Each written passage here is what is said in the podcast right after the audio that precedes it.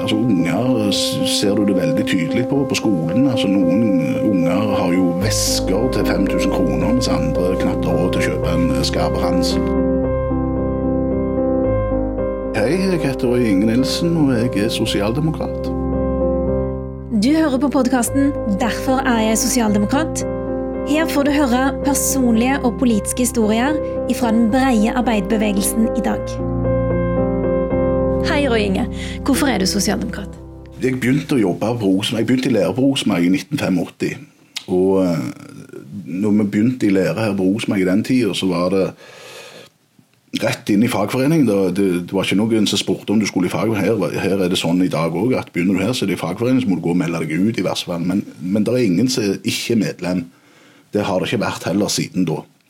Uh, og vi gikk på medlemsmøter. Uh, det, var åtte, det var vel 1200 i, i klubben i den tida. Det var vel iallfall 600-700 stykk på de medlemsmøtene på det meste. da. Uh, de, altså det de diskuterte der, det var jo, de første møtene var jo vedskremte. Jeg gikk jo hjem uh, fra jobben og bodde hjemme hos foreldrene mine og fortalte foreldrene mine at vet du hva og greier, og de flirte jo og lo litt. sant? Men, men uh, etter hvert så begynte vi å forstå hva det egentlig dreide seg om. Og det var jo rettighetene våre. Altså lønna mi, mine rettigheter som arbeider. Altså De rettighetene mine var jo trua fra alle kanter. Fra arbeidsgiver, fra myndigheter, fra ja, Gud og hvermannsen. Og det var jo da den viktigheten om å, å hegne om de, men òg å kjempe om nye. I hvilke sammenhenger har du sett det? At, eh, at klubben har tatt en rolle som har gjort at, eh, at, man har klart å beholde arbeidsplassen og betydningen den har? Og, eh, det har jo vært et, en haug med omstillinger opp gjennom åra der det skal tjenes mer penger med mindre ansatte. Det å holdt på å si, Folk mister jobben sin. Hva nå?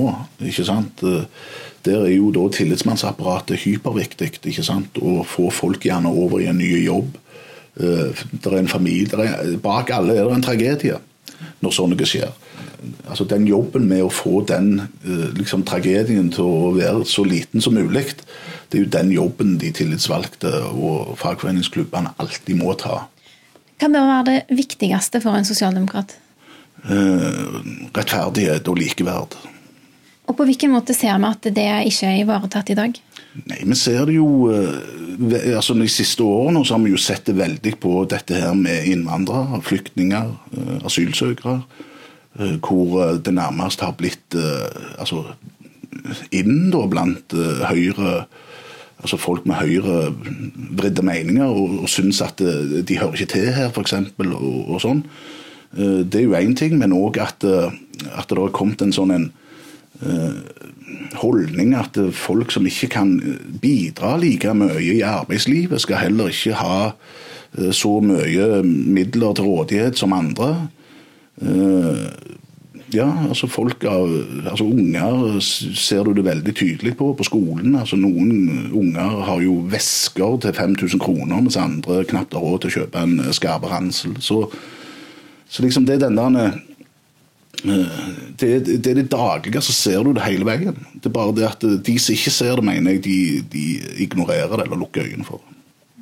Hva mener du at vi som er sosialdemokrater i dag bør gjøre annerledes? Jeg har jo opplevd at Og det er jo ikke bare sosialdemokratene, men, men politikere, da. Altså fra alle sider. De jobber seg inn i en boble. Og de glemmer ut at de er valgt av folket og skal være for folket. De skal ikke være for én sak og male seg inn i et hjørne og ikke kunne liksom si hva de egentlig mener, fordi at her skal det kjøpslås om politiske meninger. Jeg tror det er noe vi må jobbe med i norsk politikk, og få slutt på den kjøpslåingen. Kanskje roe det litt ned, og, og kanskje tenke litt lengre. Og gjerne offre, altså Ikke være redd for å få noen dårlige meningsmålinger et par måneder i, i, en periode. Uh, men jeg tror at, jeg tror at uh, vi bør utnytte de sosiale mediene mye bedre enn vi har gjort uh, fram til nå. Vi, vi, bør ikke overlate så mye til journalistene, eller journalistikken, til å få fram hva vi egentlig mener, og hva vi står for. Det tror jeg vi må bli flinkere til. Vi må kunne si det rett ifra levra sjøl til velgerne våre hva vi står for. Og hvis det er saker, så bør vi gå ut med de sakene og legge de ut sånn som vi ser sakene. For det er det, som det, er det folk ønsker. Å se sakene på den måten som vi ser dem på. Det er én ting som vi må, må, jobbe med, men så er det jo òg eh, måten vi kommuniserer på. Altså, Vi må ikke bli så intellektuelle og høye på pæra at vi, vi, snakker et helt annet språk, altså på et helt annet nivå enn det som de folka som egentlig gir oss stemmen, er på. Og Da er det jo å huske på at, at de folka lever det, det, daglige, hverdagslige livet. De går på jobben, de sliter med sitt og, og sånn. Og respekterer det at, at uh, språket er litt annerledes, uh, tror jeg, i det daglige enn det er på det politiske nivået. Mm. Hvorfor har det blitt sånn, tenker du? Er det den bobla som du ja, nevnte innledningsvis? Det er jo det.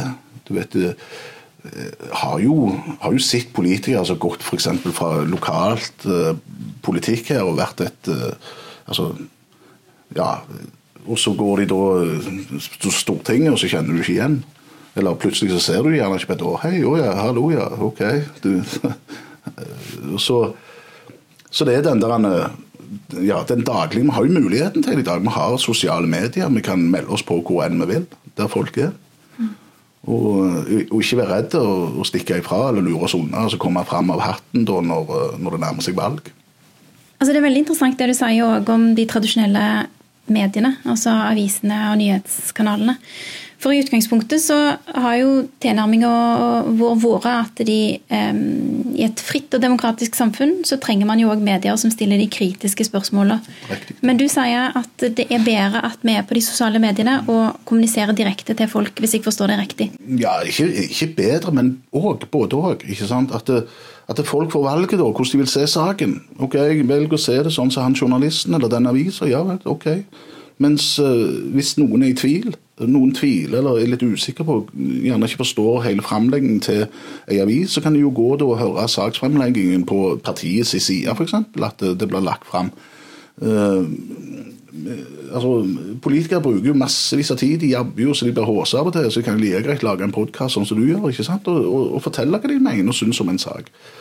Altså bedre tilgjengelighet og bedre representasjon da, av folk? Ja, kommunikasjon da, ikke sant? mellom velgerne og politikerne. At det, at det altså eh, nå, nå kommer jo politikerne på besøk til oss. ikke sant? Her på Rosenberg har gjort det i alle år, og det setter jo alle som jobber her, kjempepris på. Sant? At det, det, vises interesse for det vi driver med, og, industrien og, og sånn.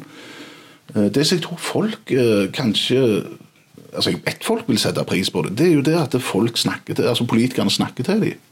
Ikke sant? Og, og, og kan, Det trenger ikke være noen lange, svære taler hver gang, men noen korte to minutters. ikke sant? Altså, Nå var det nettopp en abortsak. Hvorfor kunne ikke noen politikere bare sagt hva de mener på en podkast eller en lite klipp på, på partisida, ikke sant?